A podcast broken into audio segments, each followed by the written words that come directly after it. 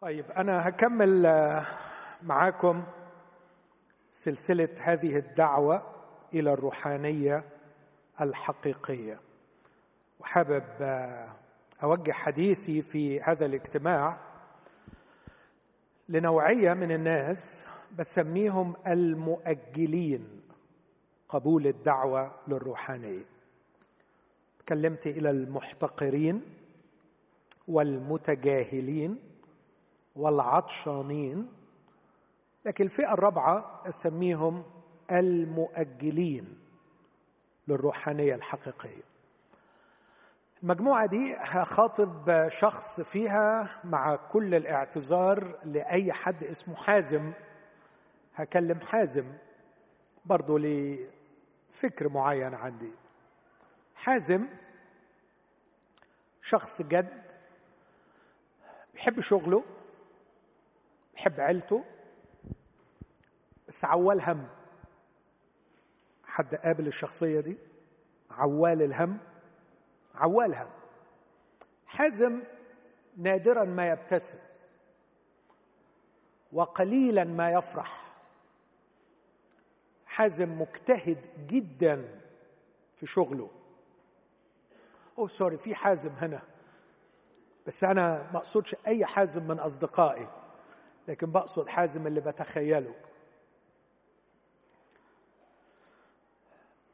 حازم اللي في ذهني سميته حازم لأنه مهموم قوي بحزم أمور العمل والعيلة. ولما يجي حد يكلمه عن الروحانية آه رد فعله إنه في شيء من الاستخفاف بالدعوة. وكأنه عايز يقول يا عمي الله يطول عمرك. إحنا مدعوكين في الشغل ومدعوكين في الظروف بتاعتنا وما عندناش وقت لحكاية روحانية دي. روحانية دي للناس الفاضية اللي عندها وقت تروح اجتماعات وتروح مؤتمرات وتقعد تقرأ كتب روحية. وأنت عارف المؤتمرات مكلفة دلوقتي. فالناس دي أكيد فاضية وعندها فلوس وعندها وقت. أنا أنا. أنت أنت ما عندكش فكرة بالشغل ما عندكش فكرة بالدعكة اللي إحنا فيها في أكل العيش. نجيب منين وقت؟ ونجيب منين طاقة؟ نجيب منين فلوس علشان وبعدين يقول لك بقى كمان علشان تبقى روحاني حقيقي أنت لازم تخدم في الكنيسة وتشترك في نشاطات كتيرة. وأنا ما عنديش وقت الكلام ده كله. هو كلام كويس بس للفاضيين. للي عندهم وقت وعندهم إمكانية إنهم يعملوا الكلام. لكن أنا راجل لا أملك هذه الرفاهية. حد قابل العينة دي؟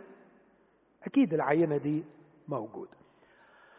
لكن زي ما قلت هؤلاء الأشخاص لا يحتقرون الروحانية ولا يتجاهلون الروحانية وعطشانين للروحانية. لكن عندهم تصور غريب عجيب. إن الروحانية ما تنفعش معاهم في الظروف اللي هم فيها. الروحانية دي ليها ناسها الفاضيين اللي يقدروا عليها. وإن شاء الله إن شاء الله إن شاء الله لما ربنا يكرمنا وظروفنا تتحسن ساعتها نبقى نعمل إيه؟ أوعدك بقى مش هنبطل هنقضيها اجتماعات ومؤتمرات وكنايس وكتب روحية وعظات هنعمل كل الحاجات دي. بس لما نخلص الأول المصالح اللي ورانا.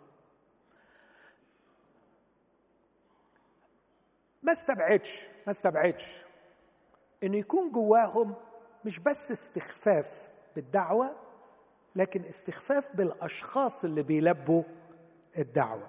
ويبقى جواهم إحساس كده إن الناس دي مش شايفة شغلها. يا ابني اعمل لمستقبلك شد حيلك وبدل ما تقضيها كنايس ومؤتمرات وحاجات روحية وخدمة ومش خدمة روح شوف مصلحتك. روح شوف أكل عيشك اهتم بحاجة تنفعك. ده توجه حازم.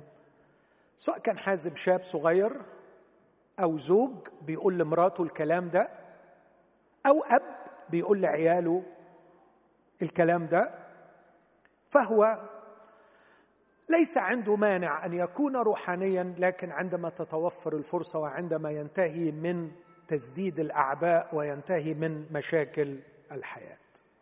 أنا عايز أكلم هذا الشخص وعايز أقول له إن ده عائق هذا المفهوم عائق كبير لحياتك عن التلمذة للمسيح. مش هتقدر تبقى تلميذ للمسيح وأنت عندك هذا التصور عن الروحانية لأنه التلمذة الحقيقية اللي الكنيسة مهتمة بها الشهر ده هي الروحانية الحقيقية.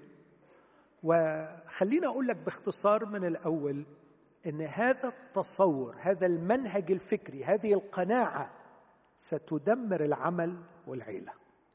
وده اللي هحاول أبينه وأشرح إزاي أن الدعوة للروحانية الحقيقية اسمعوني في الكلمة دي أهم جملة في الوعظة الدعوة للروحانية الحقيقية هي دعوة للنجاح في العمل وللنجاح في العيلة.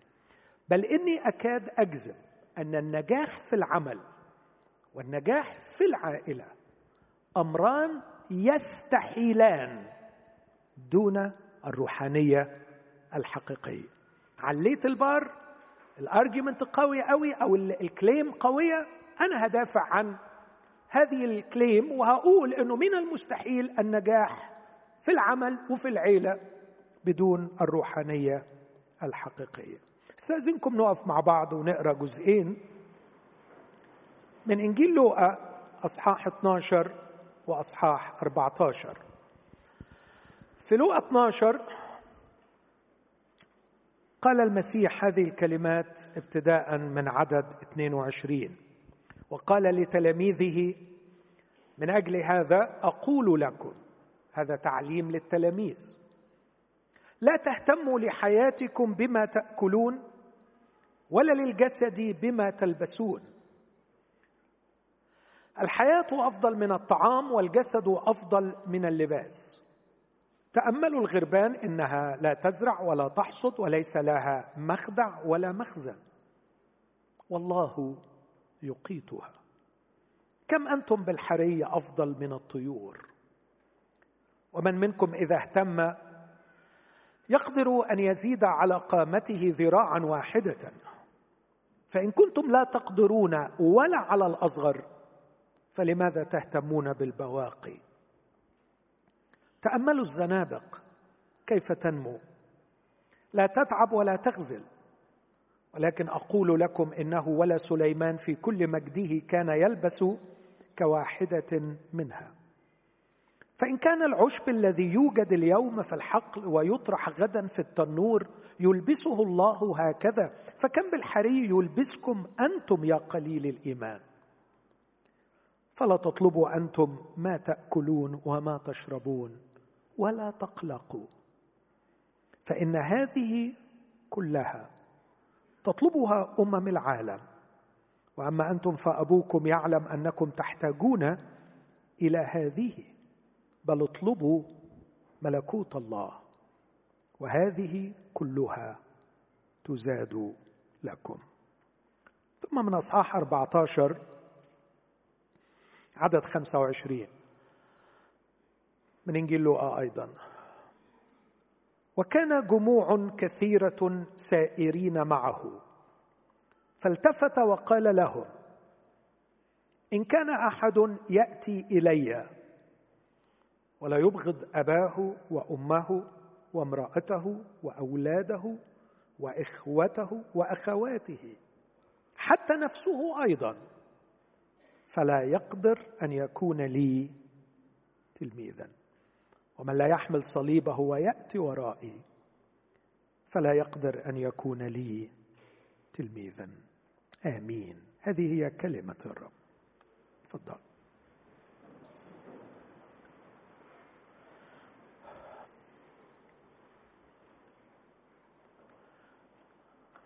المسيح ثوري وراديكال في تعليمه. المسيح واضح وقاطع ولا سيما في هذين الجزئين. وعلشان كده عايز باختصار ألقي ضوءا قليلا على النصين وبعدين أنتقل إلى مخاطبة هذا النموذج المؤجل المؤجل للروحانية. الرب يسوع هو آخر واحد في المعلمين و ولا يمكن أن يكون من هؤلاء المعلمين الذين يعلموننا التقليل من قدر العمل. الرب يسوع يقدس العمل ويكفي كدليل أنه قضى حتى سن الثلاثين وهو يعمل. وكتير قلت إنه شغلته كنجار ما كانتش هي احتياج العالم الأسمى. من سن 12 سنة الرب يسوع بيعرف يعلم في الهيكل. من 12 سنة أثبت أن لديه الكفاءة أن يجول في المجامع وأن يجلس في الهيكل بين المعلمين ويعلم شعب إسرائيل. لكن يسوع ما قضاش ال 18 سنة من سن 12 ل 30 ما قضيها في المجمع ولا مقضيها في الهيكل لكن مقضيها في الشغل في الشغل في الشغل. قلت أكثر من مرة لم تكن إسرائيل ستخسر كثيرا لو كان يسوع أغلق دكان النجار.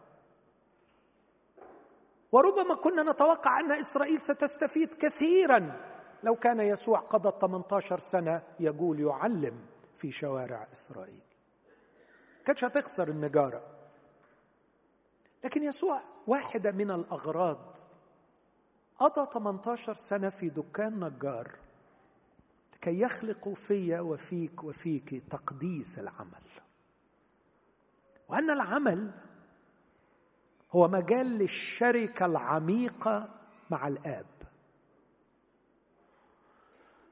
وأن العمل يختبر فيه الشخص أعظم فائدة من وراء منحة الحياة أني أتمم مشيئة الله في الأرض.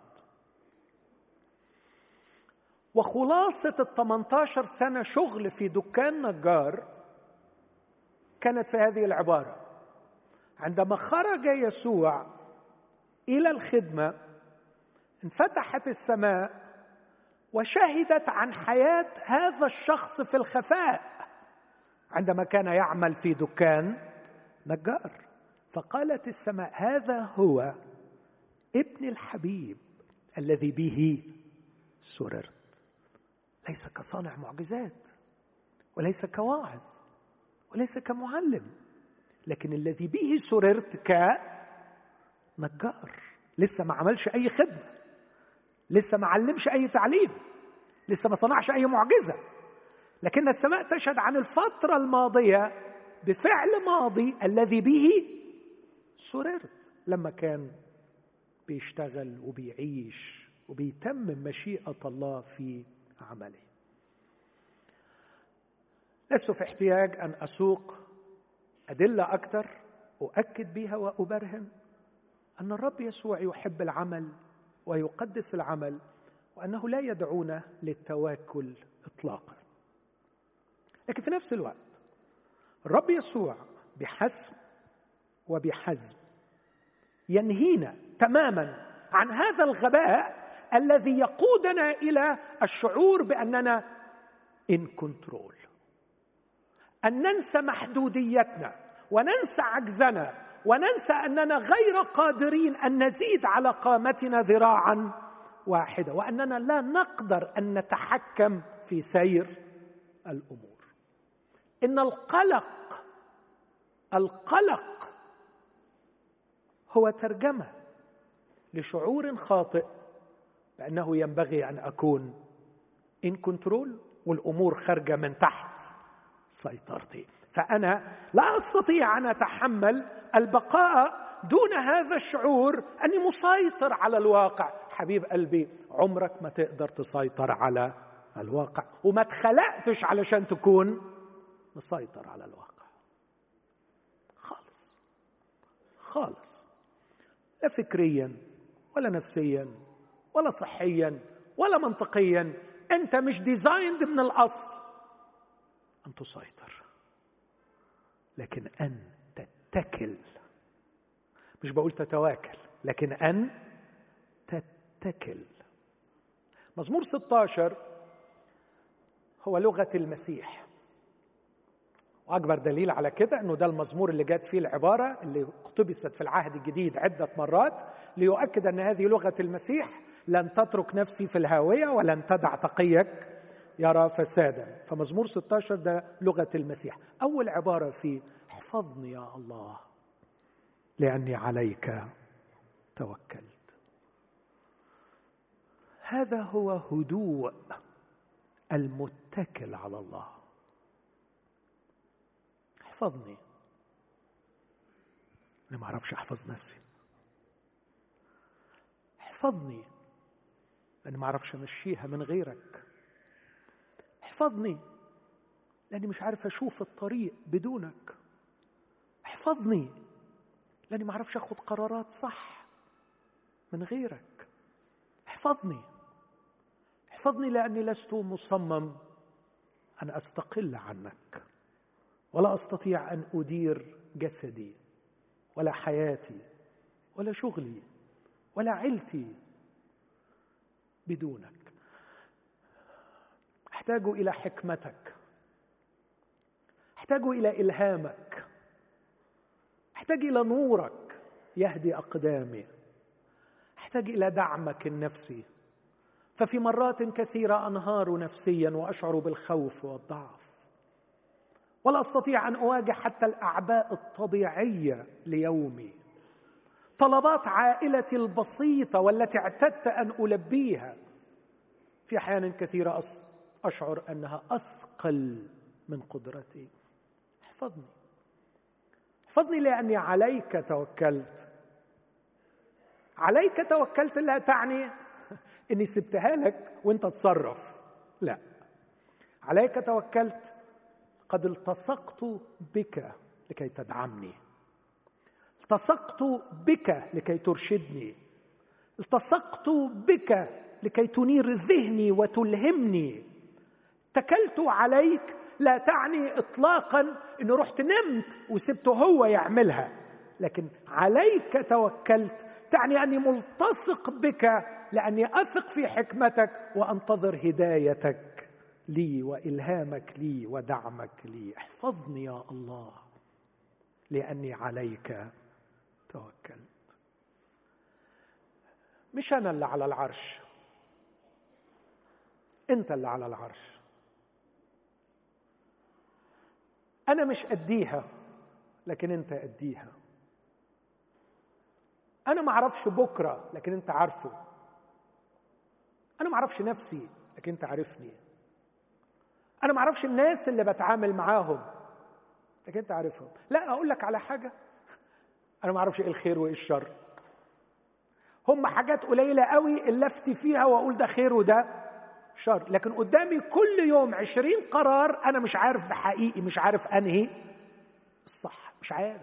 صدقني ما عارف. أعمل كده ولا كده؟ على فكرة قليلة قوي الحاجات اللي تقدر تحسن فيها وتقول ده خير وده شر. لكن كل يوم عندنا مئة حاجة. هو إيه الصح؟ أحتاج إليك.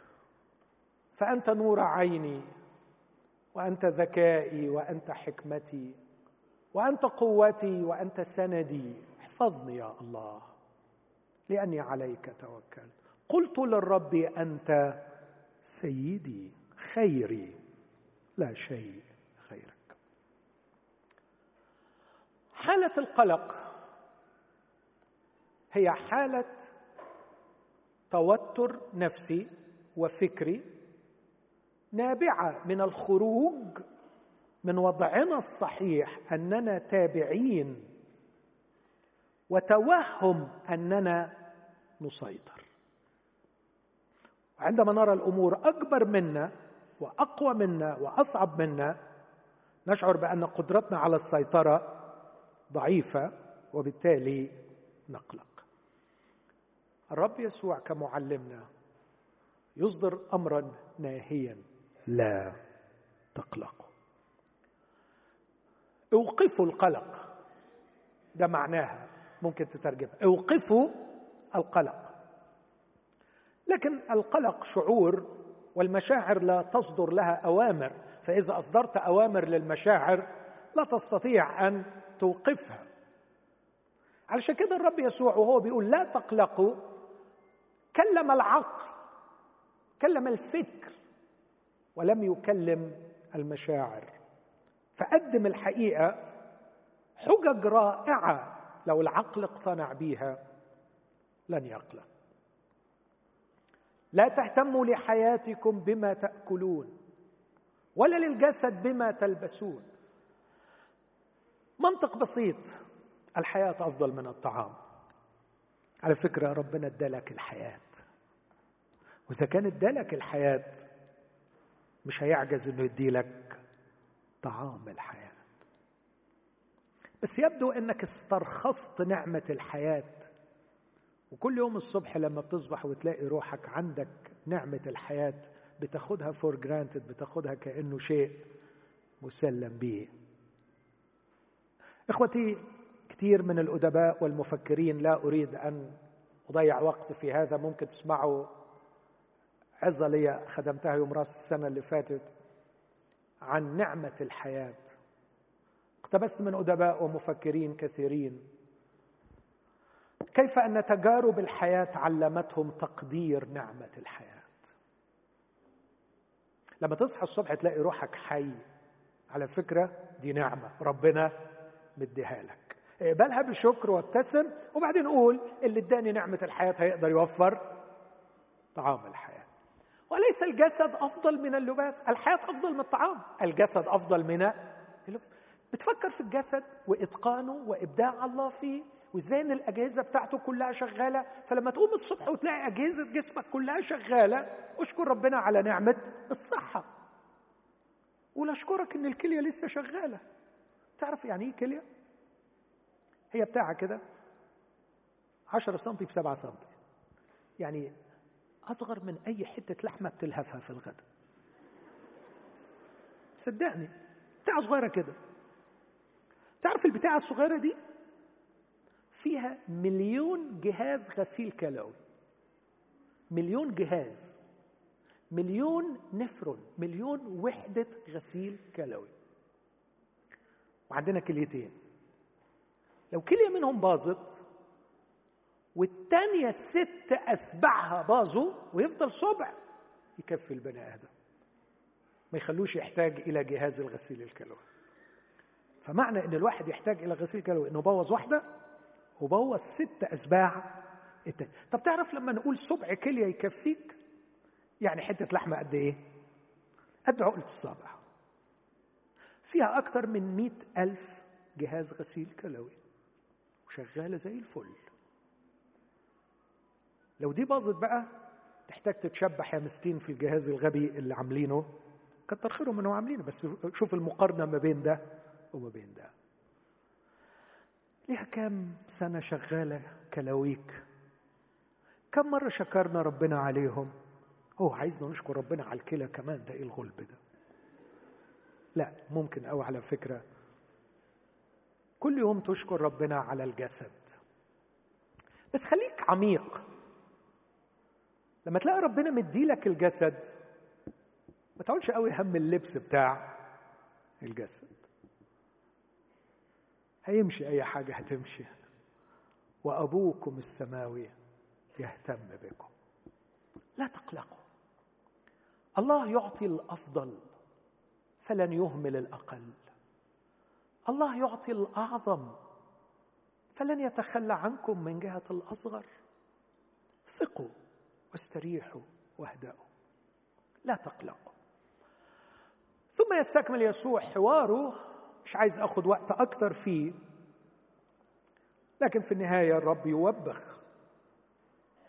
كم بالحري يلبسكم يا قليل الإيمان.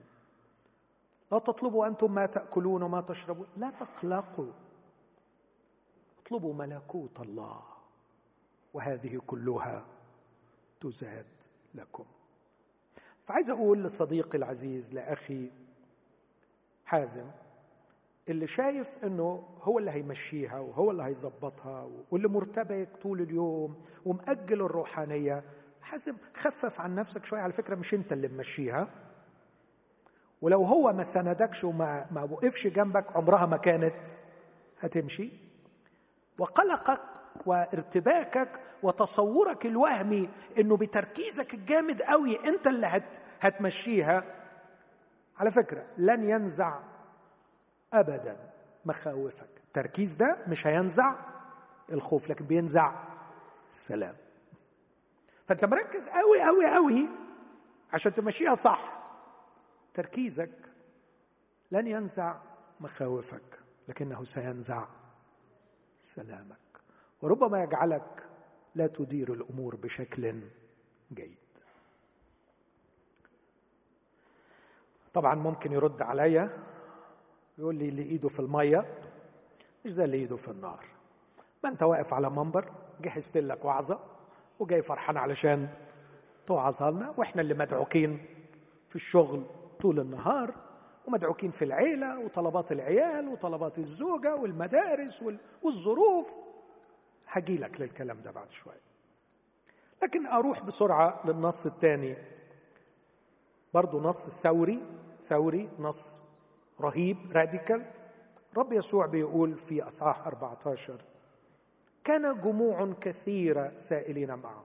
والرب يسوع على فكرة مش الراجل اللي بيحب الكراودز يحب كده الزحمة يعني. فالتفت وقال له كلام تعقيد إن كان أحد يأتي إلي ولا يبغض أباه وأمه وامرأته وأولاده واخوته وأخواته حتى نفسه أيضا فلا يقدر أن يكون لي تلميذ. أكيد اللغة هنا لغة بلاغية تصويرية تحتاج إلى اتساع عقل وفكر لفهمها فهما صحيحا لا يمكن أن الرب يكون يقصد المعنى الحرفي لهذا الكلام بإنه يعلمنا إن إحنا نكره عيلتنا ونكره نفسنا. الرب يسوع لا يعلم بكراهية العيلة ولا بكراهية النفس. حاشا ليه؟ بس هو هنا بيقول يبغض وسمى العيلة وبعدين قال يبغض حتى نفسه. أكيد اللي قاري الكتاب يقدر يجيب أدلة كتير على إن الرب يسوع علم في مواضع تانية إن إحنا لازم نحب عائلتنا ونحبهم حب عميق نحبهم كأنفسنا. والرب يسوع علم أيضا أنه لازم الواحد يحب نفسه. يعني مثلا الكتاب يقول لا يهمل أحد قط جسده بل يقوته ويربيه.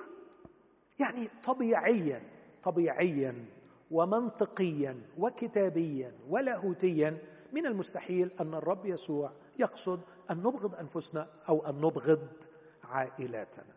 لكن اللي عايز يقوله ببساطة شديدة أن تكون علاقتك بي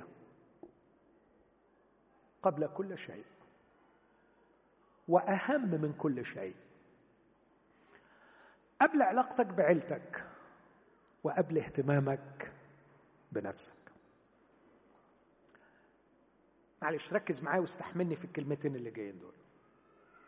تخيل واحد صاحبك بيقول لك على فكرة لازم تكون علاقتك بيا وعلاقة علاقتك بيا أهم من علاقتك بعيلتك وأهم من علاقتك بنفسك.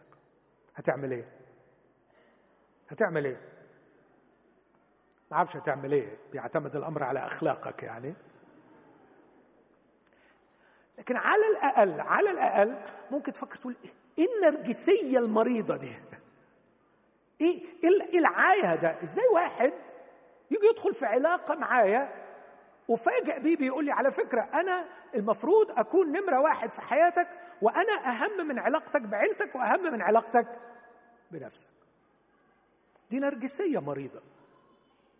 ول ممكن تفكر كده فعلا بس المفروض إنه بقيه جوانب شخصية الشخص ده تكون فعلا بتعبر عن النرجسية المريضة. السؤال هل لو فحصت حياة يسوع وتعاليمه ألاقيه شخص نرجسي. عارفين يعني إيه نرجسي؟ يعني ما بيحبش غير نفسه بيدور حوالين نفسه عايز سبلاي من كل اللي حواليه وعايز انتباه كل اللي حواليه. هل ده يسوع؟ يسوع أحب وأسلم نفسه.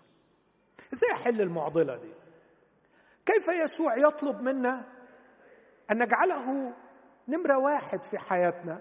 وأن تكون علاقتنا به أهم أهم أهم فعلا من علاقتي بعيلتي وعلاقتي بنفسي وفي نفس الوقت ما يكونش يسوع شخص نرجسي ومريض. ملهاش غير حل واحد عندي. إن يسوع بيقول لي حبيب قلبي الغالي تصميمك من جوه أنت ما تعرفهوش كتالوجك عندي.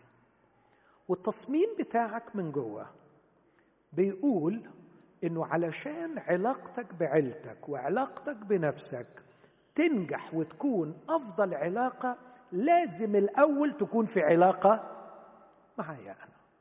فيا حبيب قلبي الغالي لما بقول لك ادخل في علاقة معي واجعلها نمرة واحد لا أبحث عن نفسي.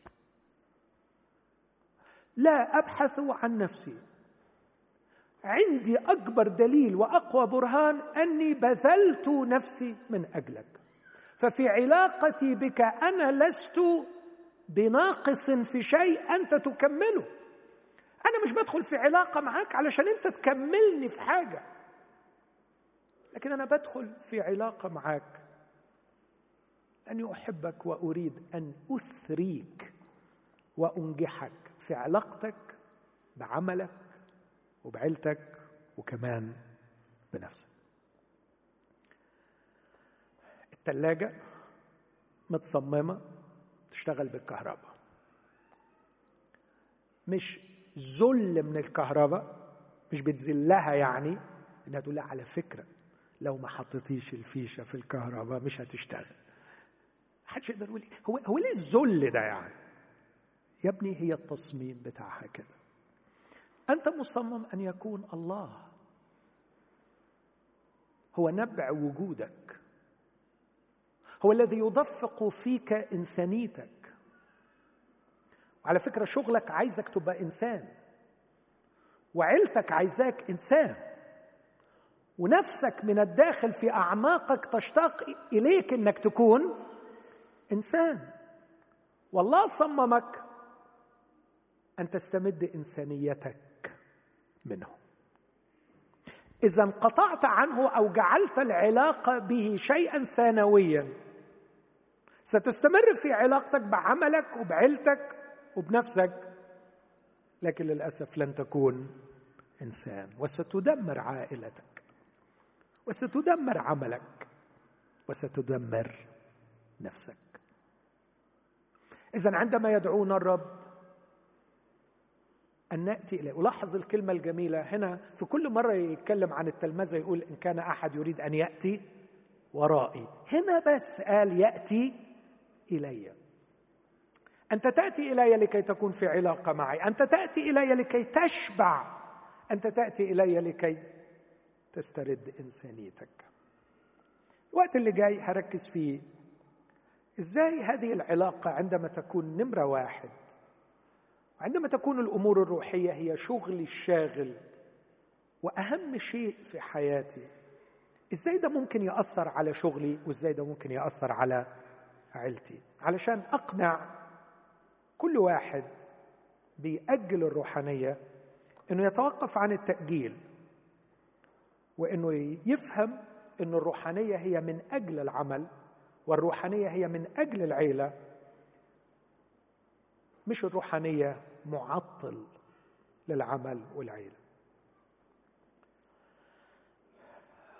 بعرف الناس دول وبقول إنهم ناس مدعوكين في الشغل والبحث عن لقمة العيش وتحمل مشاكل العائلة والأولاد. العمل والعائلة ضغوط تعوقهم عن تلبية الدعوة. هذا لأن لديهم تصور خاطئ عن الروحانية. اسمع. تصورهم عن الروحانية إنها إضافة عبء وليست مصدر دعم العبء هو حضور الاجتماعات وقراءة الكتاب والالتزام بالتدريبات الروحية وحضور مؤتمرات والمساهمة في الخدمة والالتزام بها وكل ما يتبع هذا من أعباء في الوقت والمال وخلافه. إذا كنت متصور أن الروحانيات هي عبء خليني أقول لك أن الروحانية الحقيقية ليست في الأصل ممارسات لكنها توجه قلب داخلي وانشغال العقل والكيان بالله والبقاء المستمر في علاقة معه. هذا التوجه الداخلي من نحو الله قد يحتاج إلى الممارسات أكيد يحتاج للممارسات لكن من الممكن أن تمارس الممارسات بدون هذا التوجه. مفهوم قصدي؟ يعني الروحانية الحقيقية هي العلاقة الحقيقية مع الله مش مجموعة ممارسات لأن في ناس كتير بتمارس الممارسات دون هذا التوجه القلبي. لكن هذا التوجه القلبي أكيد بيحتاج إلى الممارسات. بس لما يكون التوجه قوي وشديد في الداخل بنعرف ببساطة شديدة نخلق الوقت لهذه الممارسات. ومش بس كده لن تكون هذه الممارسات ثقيلة علينا. سنمارسها بفرح وسنذهب إليها كما تذهب الإيل إلى جداول المياه. وسنذهب لممارسة هذه الممارسات بشعور العطشان المقتنع أنها أساسية لكي يكون إنسانا. الممارسات الروحية ليست عبء لكنها اشتياق لشخص توجه قلبه من نحو الله. اسمحوا لي أشارك بشيء شخصي.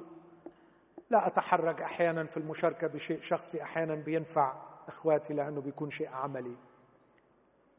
من يومين كنت راجع مع ابني على الطريق الصحراوي فبيقول يا بابا أنا بحب الطريق ده قوي بقول له ليه؟ قال لي أصل ذكرياتي معاه جميلة قوي أنا بضطر أسافر كتير لما بسافر من اسكندرية للقاهرة فقبل ما أطلع الصبح بعمل البودكاست بتاعي بظبط على الموبايل بتاعي الاجتماع اللي هحضره. فبحط عشر دقايق ترانيم وبعدين بحط لنفسي وقت للصلاة وبعدين بحط الوعظتين اللي هسمعهم وبعدين بحط الترانيم اللي بعد الوعظة وبعدين أعمل وقت للصلاة. فعلى ما أوصل القاهرة أكون حضرت أحلى اجتماع في حياتي. وانزل يا بابا من العربية وأنا في غاية التعزية. افتكرت حاجة قلت له ياه مع الفارق بقى مع الفارق. لما رجعت لربنا جديد أنا في أوائل الثمانينات ما كنتش بركب عربية كنت بركب الأتوبيس. وكان الأتوبيس في اسكندرية من الحتة اللي أنا ساكن فيها لغاية الكلية بياخد ساعة ونص. والساعة ونص دي أنا واقف. بس كنت بعمل حاجة جميلة. كنت أكتب الصبح ورقة بلستة الأمور اللي أنا عايز أصلي من أجلها.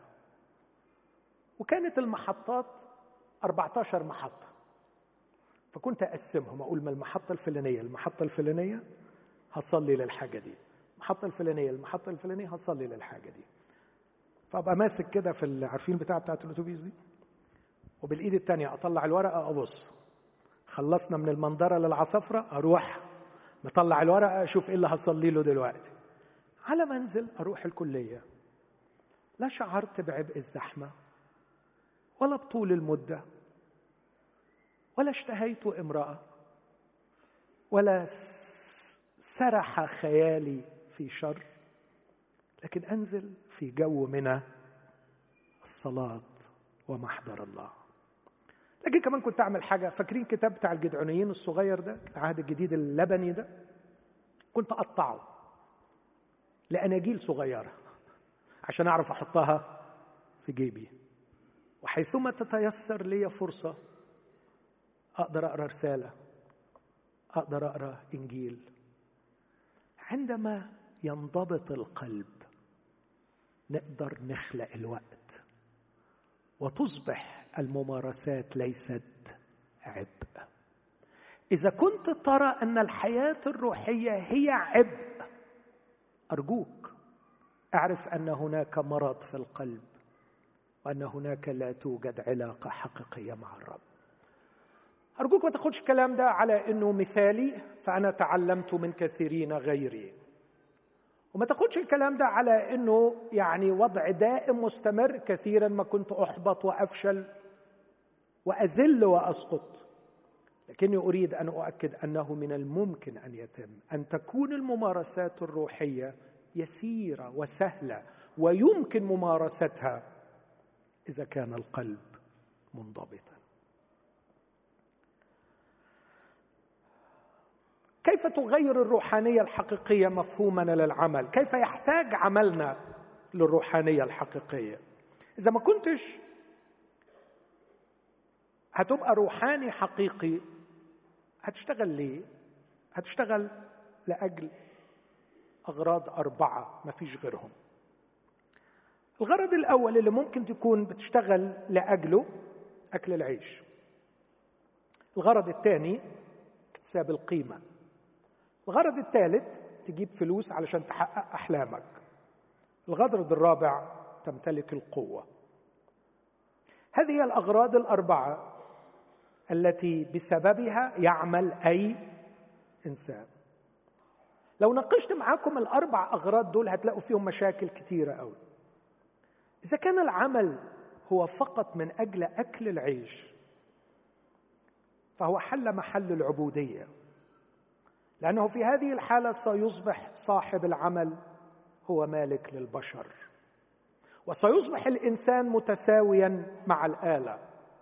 قيمته تكمن في إنتاجيته. لو وصل الأمر إن الإنسان بيشتغل بس علشان ياكل أكيد الشغل هو وسيلة أكل العيش والكتاب قال كده من لا يشتغل لا يأكل. بس الكتاب ما بيتكلمش عن العمل إنه بس من أجل أكل العيش. ولو اختزلت العمل بس لأجل أكل العيش هتحول إلى كاره للعمل لأني مجبر عليه لأنه للأسف الشديد ما عنديش حل تاني. ويبقى صاحب العمل اللي بيشغلني هو اللي ماسك لقمتي. وده شيء في منتهى الخطورة. يخلق حالة كانت هي سبب الماركسية. ماركس كان عنده ثورة وكان بسبب هذه الثورة ضحايا بالملايين في الثورة البلشفية. لأنه كان يرى إنه فكرة إنه هناك صاحب عمل هو المسؤول عن أكل عيش الناس هذا ضد الإنسانية. هو سبب اغتراب الإنسان. لكن لما يكون الشغل هو مصدر القيمة كارثة. لأنك هتلاقي روحك قيمتك طالعة نازلة طول الوقت. قيمتك على قد نجاحك. نجحت الحمد لله القيمة موجودة والنفسية مرفوعة ومية مية. في كبوة في العمل اليومين دول وفي مشكلة والدخل بيقل وفي مشاكل والشغل مش ماشي القيمة بتن... لا بلاش كده. ده أحيانا تبقى قيمتك مرتبطة بنجاح الآخرين من حولك. فأنت شغلك ماشي بس في غيرك شغله ماشي أحسن منك فتشعر إنك أقل. الله لم يصمم العمل لكي يكون مصدر القيمة.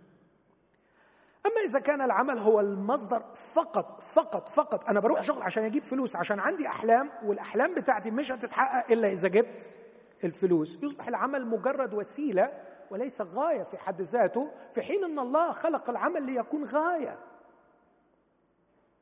وعندما يكون العمل مجرد وسيلة لجلب المال من الممكن أن تداس كل الأخلاقيات. ومن هنا يأتي الفساد وتأتي الرجل المهم الغاية تبرر الوسيلة. أنا عايز فلوس فممكن أعمل أي حاجة. وما بيكونش الشخص عنده حب وتقدير لعمله في ذاته. عملي مجرد هو اللي بيجيب لي الفلوس. الله لم يصمم العمل ليكون وسيلة جلب المال. لكن أخيرا في بعض الناس الشغل بالنسبة لها مهم جدا لأنه بصراحة الإنسان لديه احتياج داخلي أن يدير ويسيطر وده مش غلط.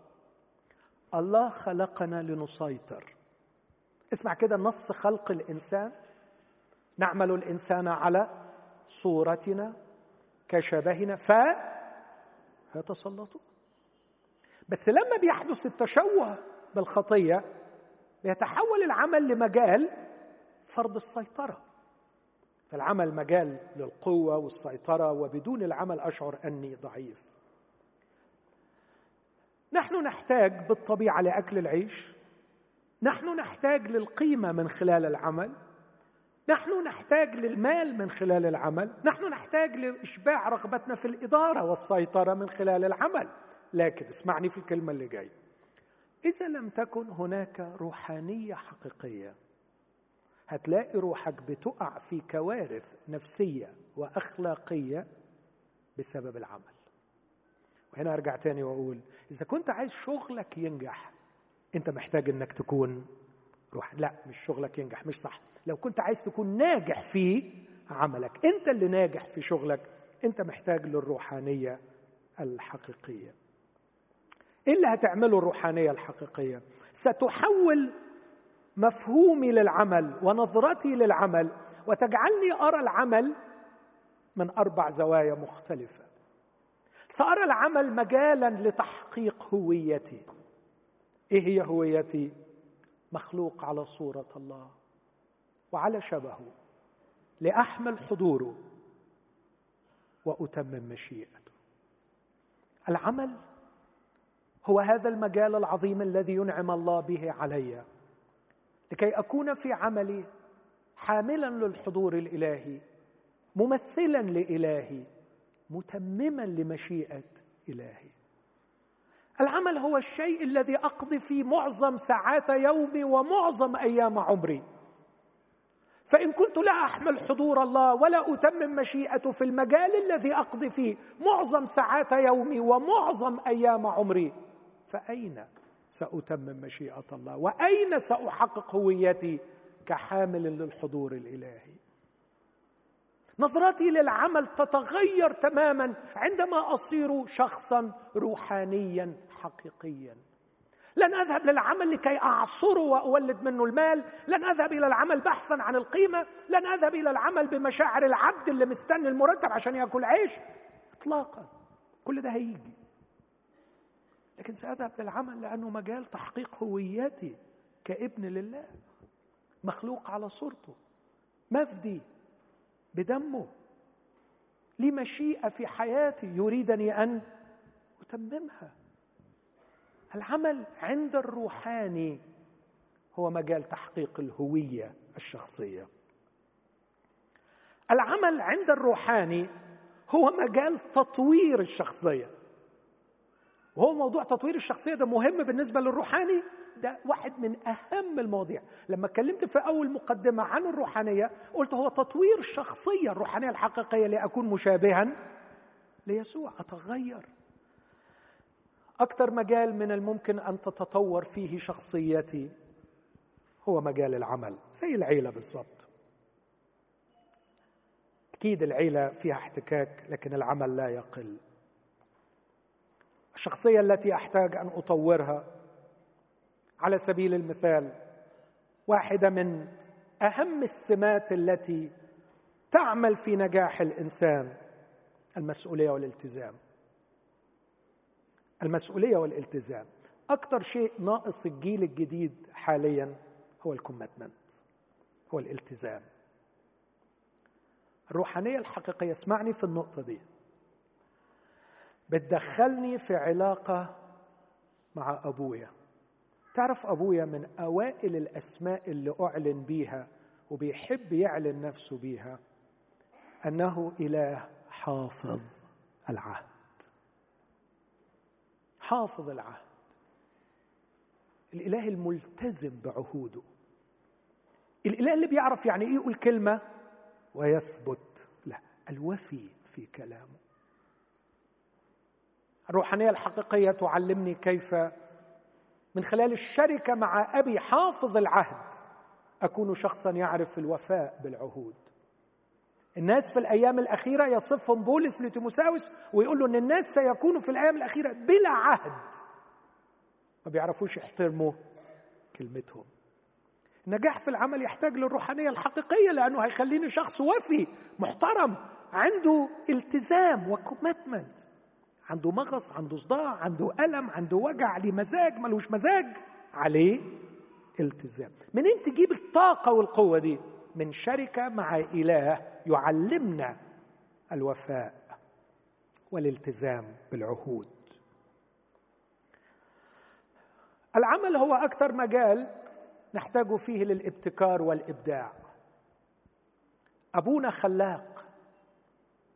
وعندما رأينا الله لأول مرة على صفحات الكتاب المقدس رأينا الله المبدع رأينا الله المبتكر رأينا الله الخلاق رأينا الله الذي يتصور شيئا ثم يوجده. عندما أكون روحاني حقيقي سأكون خلاقا ومبدعا في عملي. أعتقد إنه كارثة العمل في مصر أنه لا توجد فيه مساحة كافية للناس لكي يبتكروا. أحيانا الابتكار بيبقى بدعة. وكل بدعة ضلالة وكل ضلالة في النار. ممنوع تبتكر. العمل يحتاج إلى الابتكار.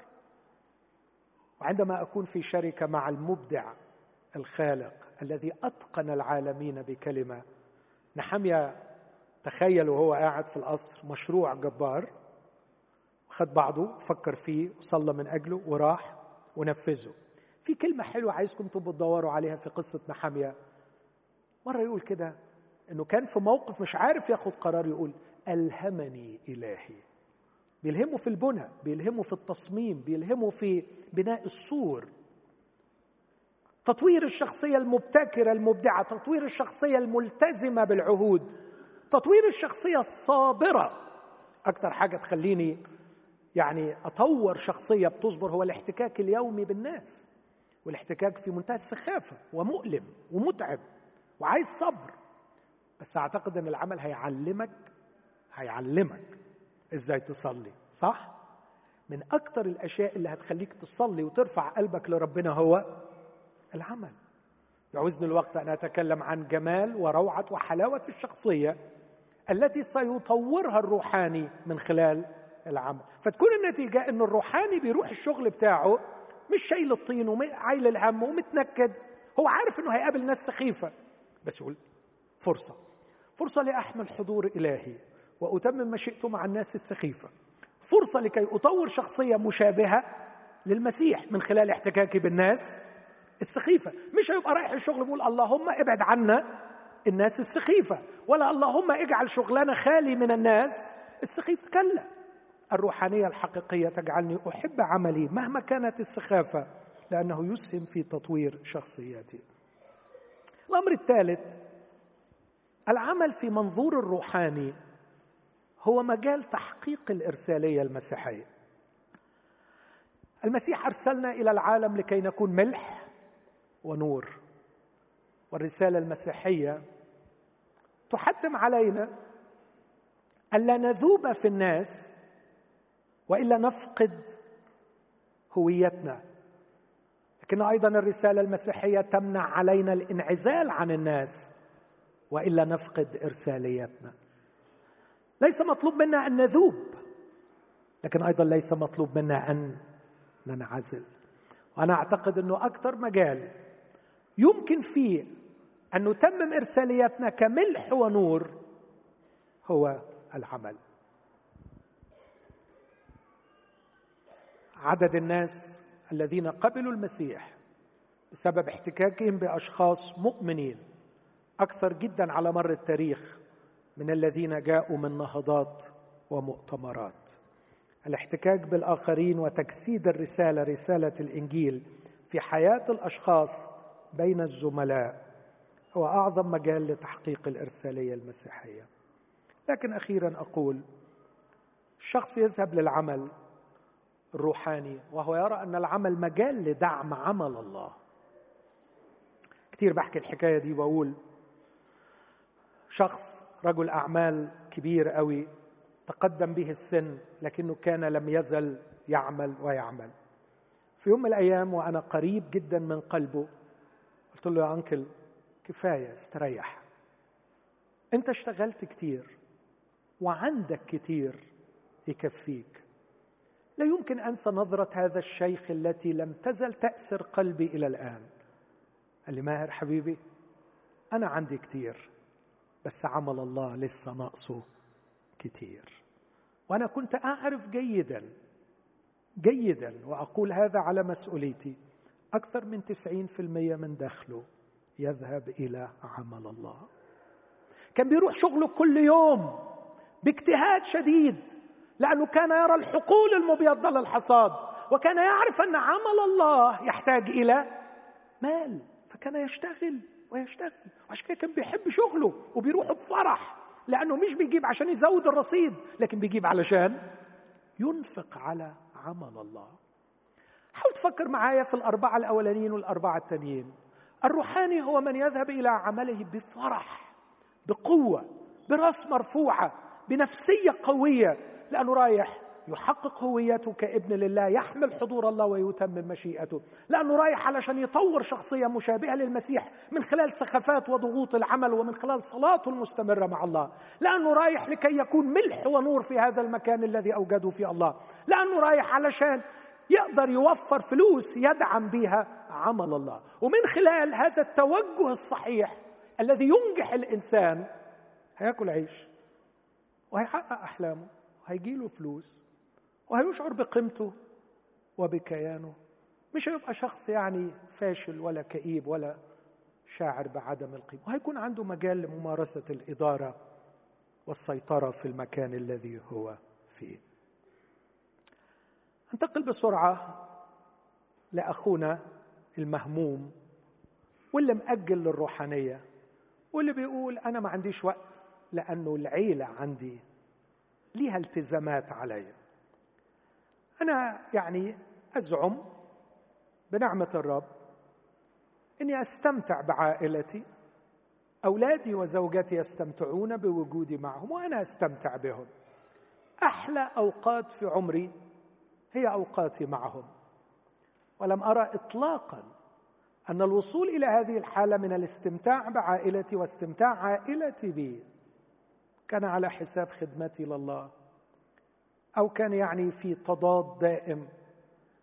بص احبائي أنا عارف إن في قصص ممكن تحكوها لي كتير عن قصص فشل عائلي والكلمة اللي بتتقال أصله اهتم بالخدمة وساب العيلة. اسمحوا لي أقول كلمة أفتي في الحتة دي. حتة ساب العيلة أو أهمل العيلة من أجل الخدمة أنا عندي مئة علامة استفهام على اللي بيسموه خدمة. هو كانت إيه الخدمة؟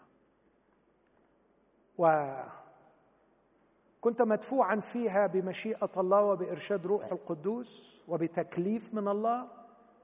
هل كانت دعوة من الله؟ أتعجب الحقيقة لدعوة الله للخدمة التي تكلفني عائلتي. أتعجب. وكأن الله يا حرام وقع في حزبيز وفي كونفليكت وقال لي حبيبي يا فلان أنا غصب عني أنا دعيتك للخدمة دي بس الحقيقة مش قادر أنقذ الموقف فأنت هتخسر عيلتك هتخسرها بسبب الخدمة. أتعجب. أتعجب من من ضعف الله أن ينسق لي وأن يقودني لحالة من الانسجام التي فيها أتمم خدمتي وأنجح في عائلتي. أعتقد إن في علامات استفهام كثيره على ما يندفع إليه الناس بدوافع نفسية مختلفة تحت اسم أو مسمى الخدمة وتكون النتيجة في النهاية هو خسران العائلة. الوقت مع العائلة أمر مهم. لكن ما الذي نفعله في هذا الوقت؟ ما قيمة أب يجلس مع أولاده قاعد على الموبايل بتاعه. ما قيمة أب قاعد مع أولاده لازقين في بعض أو كل شوية يحضنوا لكن عمره ما عرف ينفذ إلى أعماق الولد ولم يكون البوند مع الولد. وعمره ما إدى الولد فرصة أن ينسكب في داخله. مسألة مش مجرد وقت لكن شخصية. شخصية قادرة أن تجعل الزوجة ترى زوجها جديرا بالحب والاحترام والخضوع والدعم. وزوج قادر أن يقنع أولاده بأن يروه. نعم الأب لهم يبث فيهم إنسانيتهم ويدعمهم. إخوتي الوقت مهم الجهد مهم لكن لا قيمة للوقت ولا قيمة للجهد إذا غابت الشخصية. بالعكس ممكن تكون الشخصية اذيه بسمع مآسي عن أولاد مأساتهم إن كان عندهم وقت يشوفوا أبائهم واللي بيعملوه. دي المأساة بتاعتهم. شاف أبوه بيتفرج على إيه وشاف أبوه بيعمل إيه وشاف أبوه بي... في وقت. بس شخصية خربانة بتدمر العيلة. نعم الوقت مهم والجهد مهم لكن قبل الوقت والجهد نحتاج إلى الشخصية وعلى قدر علمي الشخصية لا تكونها إلا الروحانية الحقيقية. فعندما أدعوك للروحانية الحقيقية أنا أدعوك لكي تكون ابا وزوجا وزوجة ناجحة. تعرفوا تعرفوا تعلموا أولادكم حاجة صح. لا مش تعلموا. تعرفوا تكونوا أولادكم بطريقة صحيحة.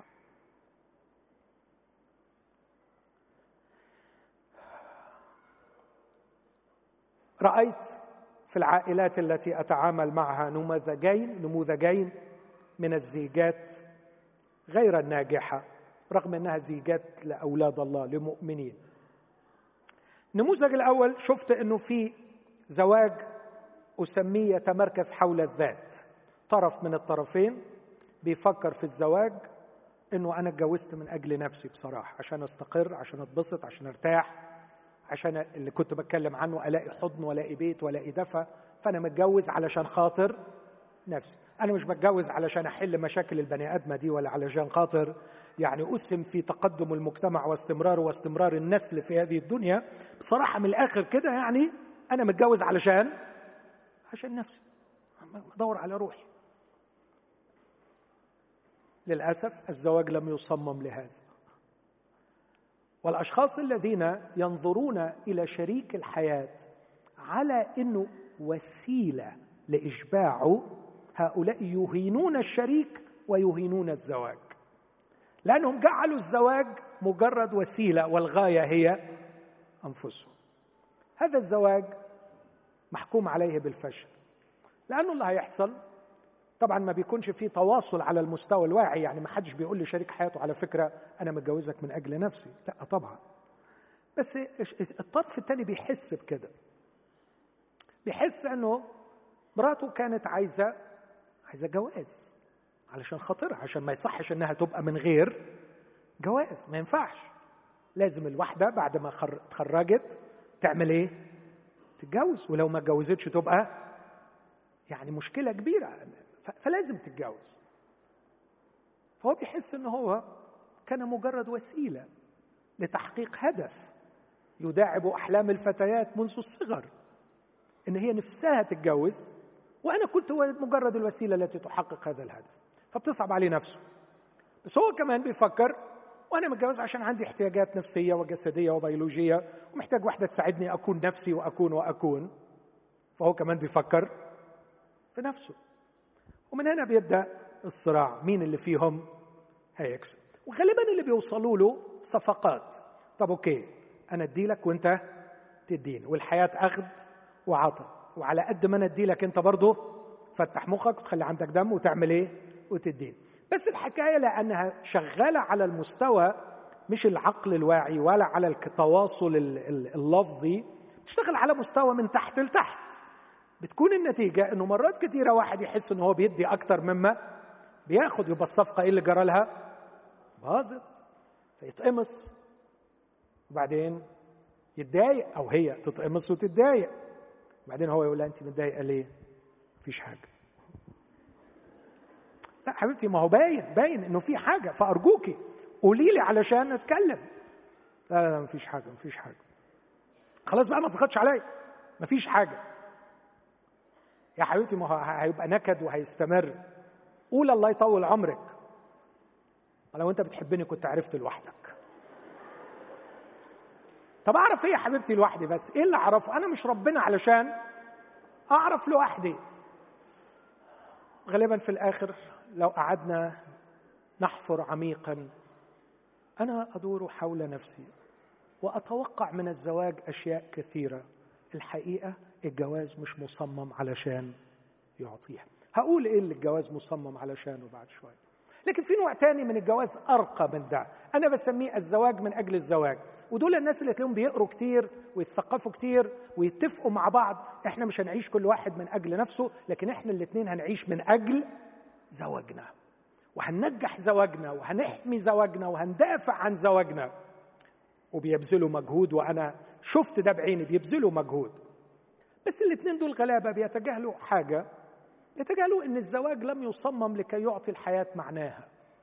فبعد شوية شايفين إنهم عمالين يكافحوا طول عمرهم عشان يحافظوا على الزواج وفي نفس الوقت ما هماش.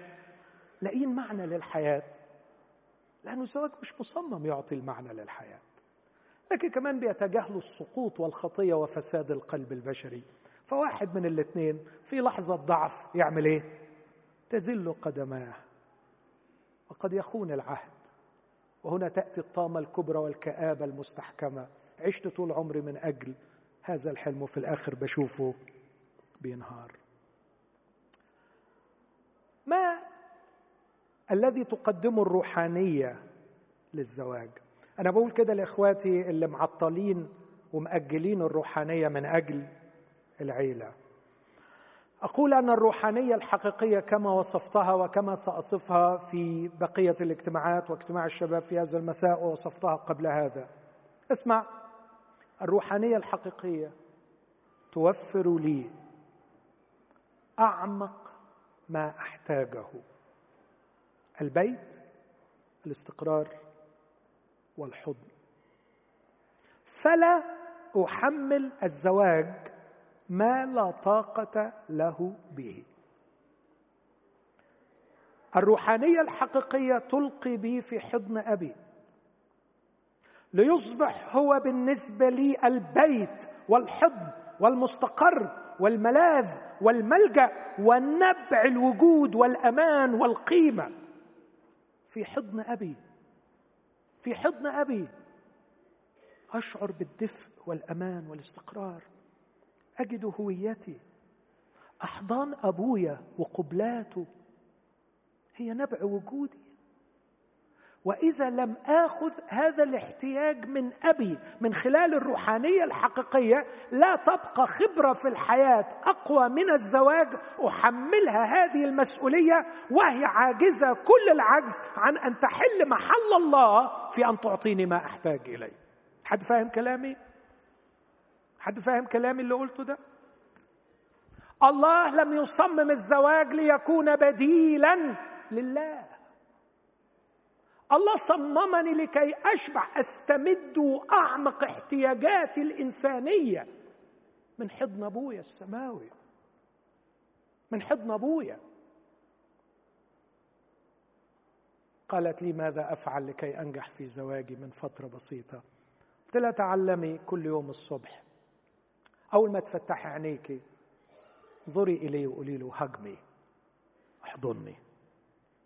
احضني. اعرف إنك ابن اعرفي إنك ابنة. واعرف إنه لا قيمة لبنوية غير مستمتعة بالأبوة. يسوع قال لنا لا أترككم يتامى. يعني هخليك في علاقة مع أبوك هرسل لك الروح القدس الروح القدس اسمه روح التبني اللي بيه أصرخ يا بابا يا بابا. لو هتتعود تلقي بنفسك في حضن أبوك كل يوم هتاخد الجرعة بتاعتك. هتبقى مستقر. فتبقى بتتعامل مع شريك الحياة من من منطلق شبعان. مش جعان وهبيان والشريك المجرم ده مش عايز يشبعني أو مش قادر يشبعني أو مش سائل فيا. يا حبيبي مش حكاية مش سائل.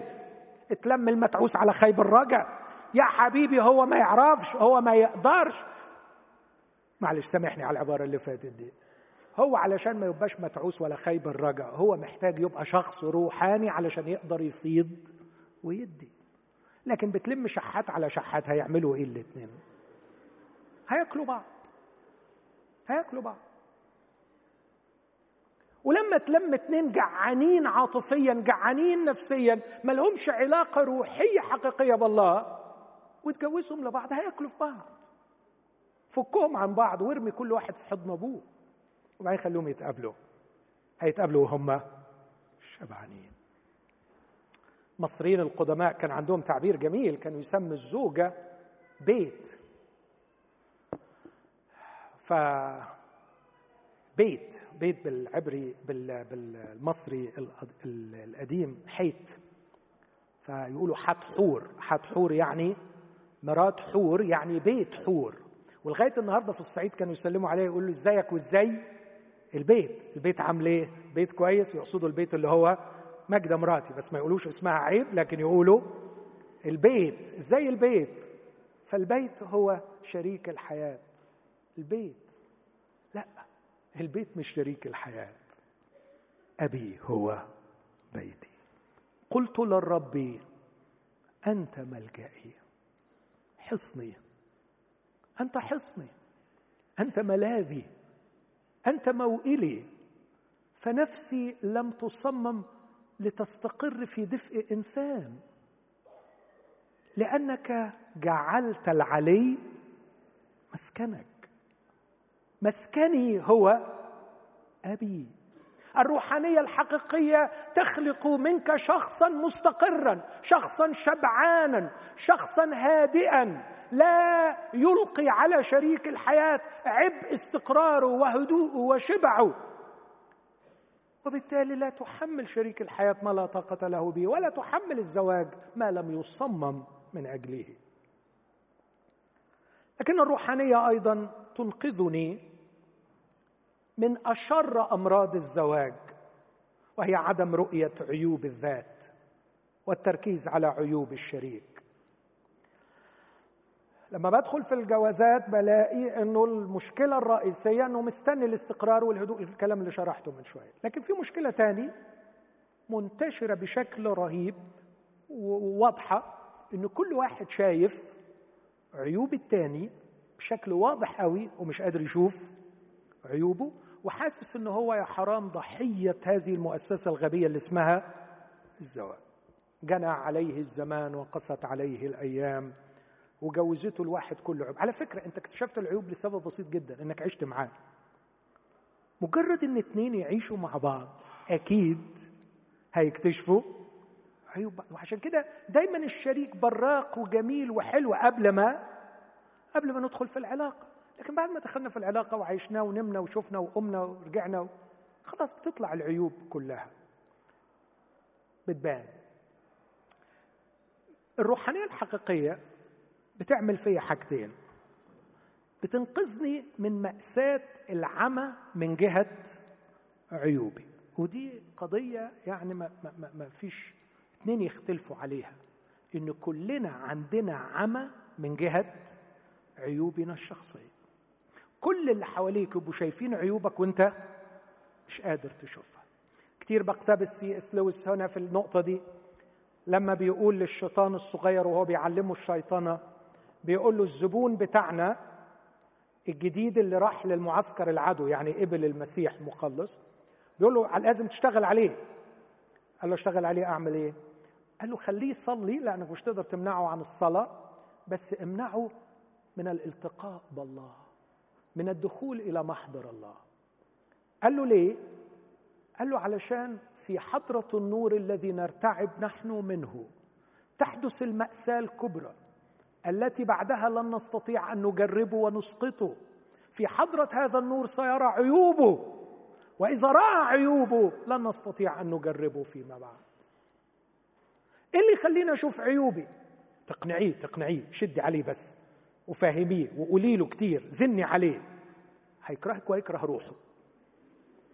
ما فيش حاجة تخلي الواحد يشوف عيوبه إلا الدخول إلى حضرة الله.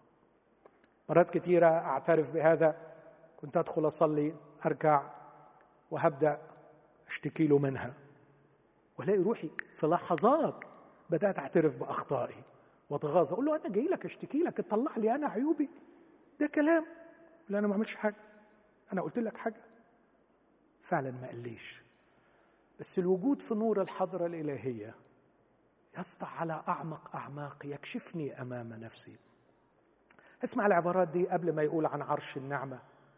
يقول كل شيء عريان ومكشوف لعيني. ذاك الذي معه أمرنا. يا إلهي أنا عريان أمامك. لكني لست عريانا أمام نفسي. أنا لا أستطيع أن أعرف عيوبي. أنا بقولها بصدق. اشتغلت في الطب النفسي كتير وأنا بطبعي انتروسبكتيف بحلل في نفسي كتير. لكن أقول الصدق إلى اليوم لا أرى كل عيوبي. لكن أكثر شيء يكشفني أمام نفسي هي حضرة إلهي. الروحانية الحقيقية تجعلني أتعامل مع أشرس أمراض الزواج وهو عدم اكتشاف عيوب الذات لكن أيضا من الجانب الآخر تمكنني من التعامل المنعم الصحيح مع عيوب الشريك. وأنت بتعيش الروحانية الحقيقية أوعى تفكر إنه شريك حياتك هيبطل يبقى عنده عيوب هيبقى عنده عيوب بس أنت هتعرف تتعامل معاه. الروحانية الحقيقية توفر لنا أهم ضمان لثبات واستقرار الزواج الوفاء بالعهد. كثير بنقول الزواج عهد وليس عقد ولكي يستمر العهد معمولا به احتاج إلى الوفاء بالعهد والوفاء بالعهد يحتاج إلى الروحانية. الروحانية الحقيقية تخلق مجالا ليس فقط للتعامل الجيد مع عيوب الشريك لكنها تفتحني لاستغلال عيوب الشريك لتطوير شخصيتي وتنمية فضائل لم تكن موجودة فيا. أكاد أسمع واحد يقول لي يا نهار أبيض هو الجواز معمول عشان الحاجات دي؟ ده أنا كنت فاكر إن الجواز عشان الواحد يتهنى. مش هم بيقولوا لها ربنا يهنيكي؟ أنا فاهم إن الزواج عشان نتهنى. هو كده الزواج. أحبائي الزواج ما اتعملش عشان نتهنى. الزواج اتعمل لإنجاز رسالة عظيمة في هذه الحياة تحتاج إلى روحانية حقيقية. اسمع معايا. ولما نبقى روحانيين حقيقيين هنتهنى.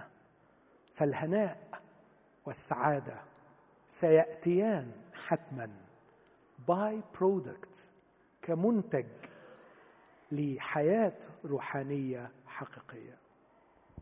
أدعوك لعدم التأجيل. أدعوك لاتخاذ موقف حاسم وحازم مع الروحانية الحقيقية. أنت محتاج للروحانية الآن وليس غدا.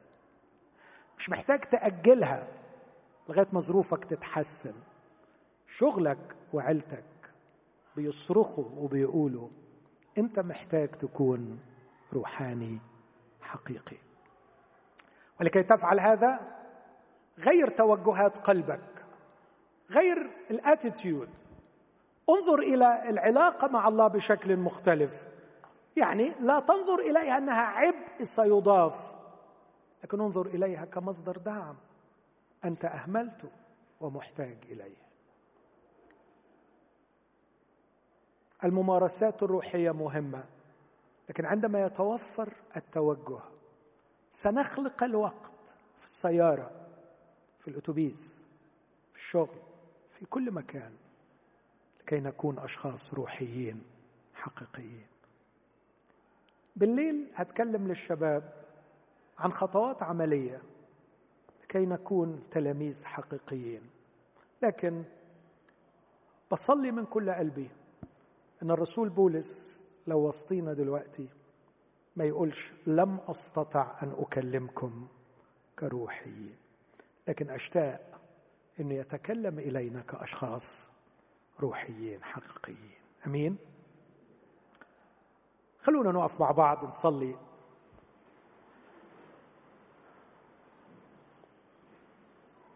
وخلي صلاتك مركزة في ثلاث اتجاهات.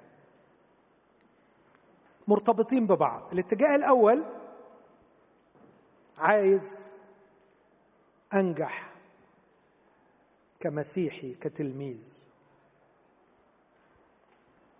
عايز أبقى روحاني حقيقي. عايز أبقى الشخص اللي سمعت عنه النهارده الصبح. اللي بتفيض من بطنه أنهار ماء حي.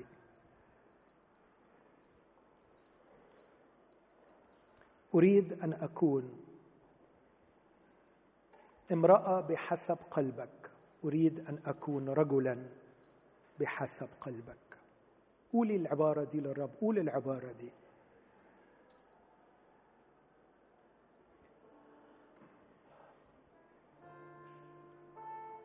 يلا بينا نخلع ثياب الروحانية الزائفة. يلا بينا نخلع ثياب الروحانية الزائفة اللي اعتمدت على انطباعات نجحنا في أن الآخرين يأخذونها عنا. تعالوا نخلع ثياب الروحانية الزائفة اللي اعتمدت على مجرد مشاعر ثيرابي. كنا بنعالج بيه نفسنا. دعونا نطلب الروحانية الحقيقية. شبع الكيان به امتلاء العقل بحقه. شبع الخيال بجماله. دفء المشاعر في حضنه. تكريس حقيقي للجسد لخدمته. استنارة عميقه في الكيان بكلمته. روحانية حقيقية. تخلقني إنسانا بحسب قلبه. هي دي الصلاة الأهم. هو ده التوجه الأهم لكل مسيحي لكل تلميذ. تأكد أنه دي هتخليك ناجح في عملك. ناجح في عيلتك الاتجاه الثاني للصلاة العمل. خليني أشوف عملي زي ما أنت علمتني النهاردة. الاتجاه الثالث عيلتي أرى عائلتي كما تريدني أن أراها. لكن يا رب اقتنعت لا نجاح في العمل ولا نجاح في العيلة بدون نجاحي في تلمذتي لك. كروحاني حقيقي.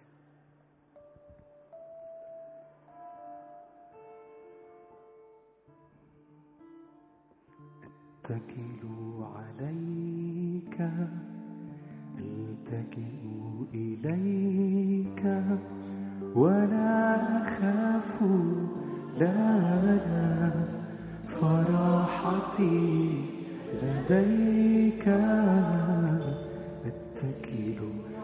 عليك التجئ إليك. ولا أخاف. لا لا فرحتي لديك. طفلك وابنك المدلل. إلى مشيبي على كتفيك أحمل أنا صغيرك طفلك وابنك المدلل ومن شبابي إلى مشيبي كتفيك أحمل إيماني أنت وهبته.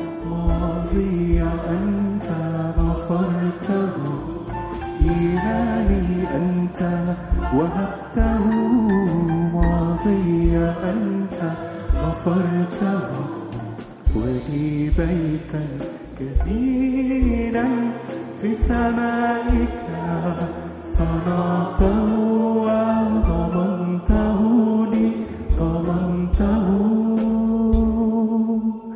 وترتب قدامي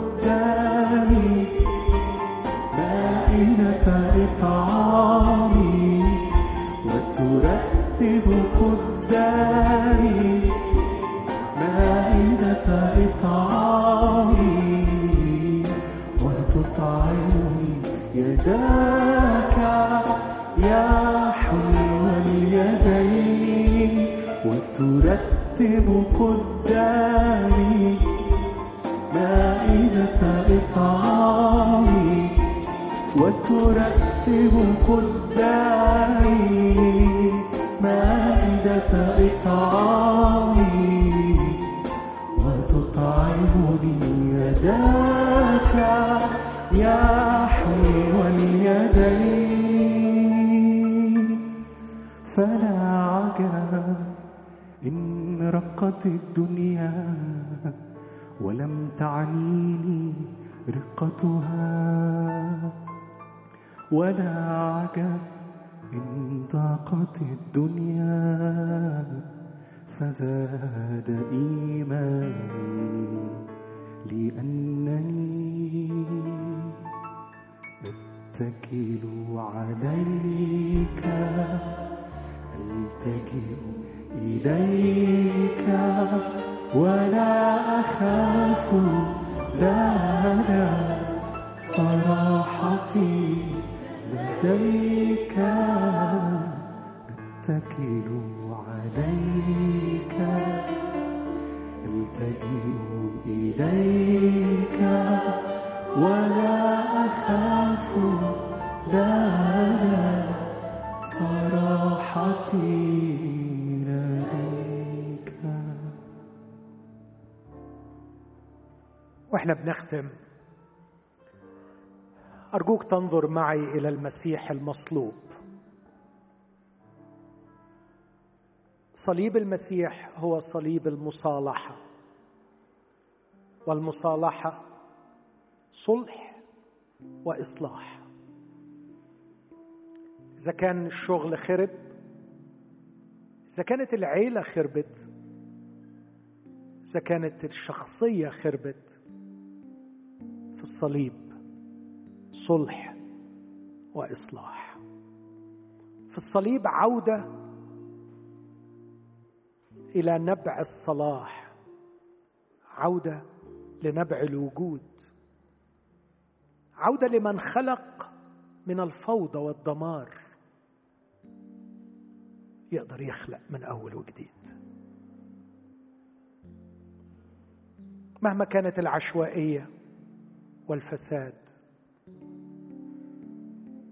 الله الخالق في الصليب. يغفر ويشفي. ويبني المنهدم.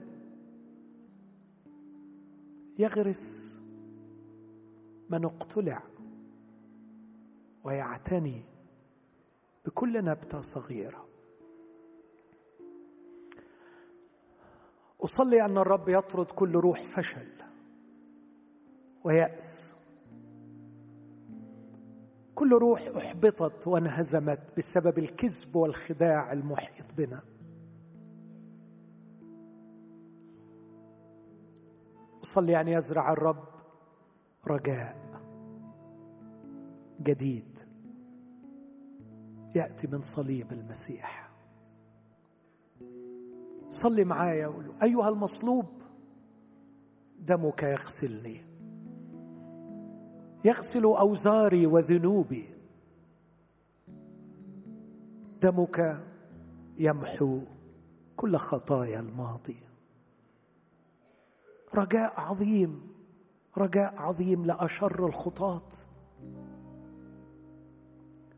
قول بثقة ليسوع المصلوب دمك يبيض صفحاتي التي لطختها بأثامي. ارحمني يا رب أنا الخاطئ. سامحني.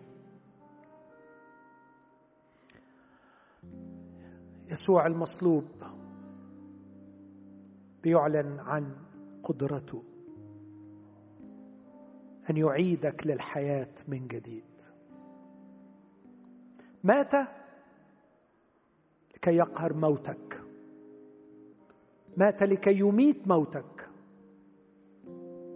يسوع مات مش لأنه عمل خطية ولا مات لأنه كان مغلوب على أمره. يسوع مات من أجلك لكي يميت موتك. حط موتك قدامه. حط موت الشخصية موت العيلة موت العمل. حطه قدامه. وقول له أثق فيك. أيها المحب القدير. أتضرع إليك. أتضرع إليك أن تلمس نفوس كثيرة في هذا المكان. أتضرع إليك أن تلمس رجال ونساء. يسمع هذه الرسالة منك. أتضرع إليك أن تنير الأذهان أن العلاج والرجاء موجود فيك. أيها الحي المقام من الأموات. أعطي ثقة جديدة في شخصك. واعطنا جميعا نية أن نتغير عن شكلنا ونتشبه بيك. في اسم المسيح. آمين.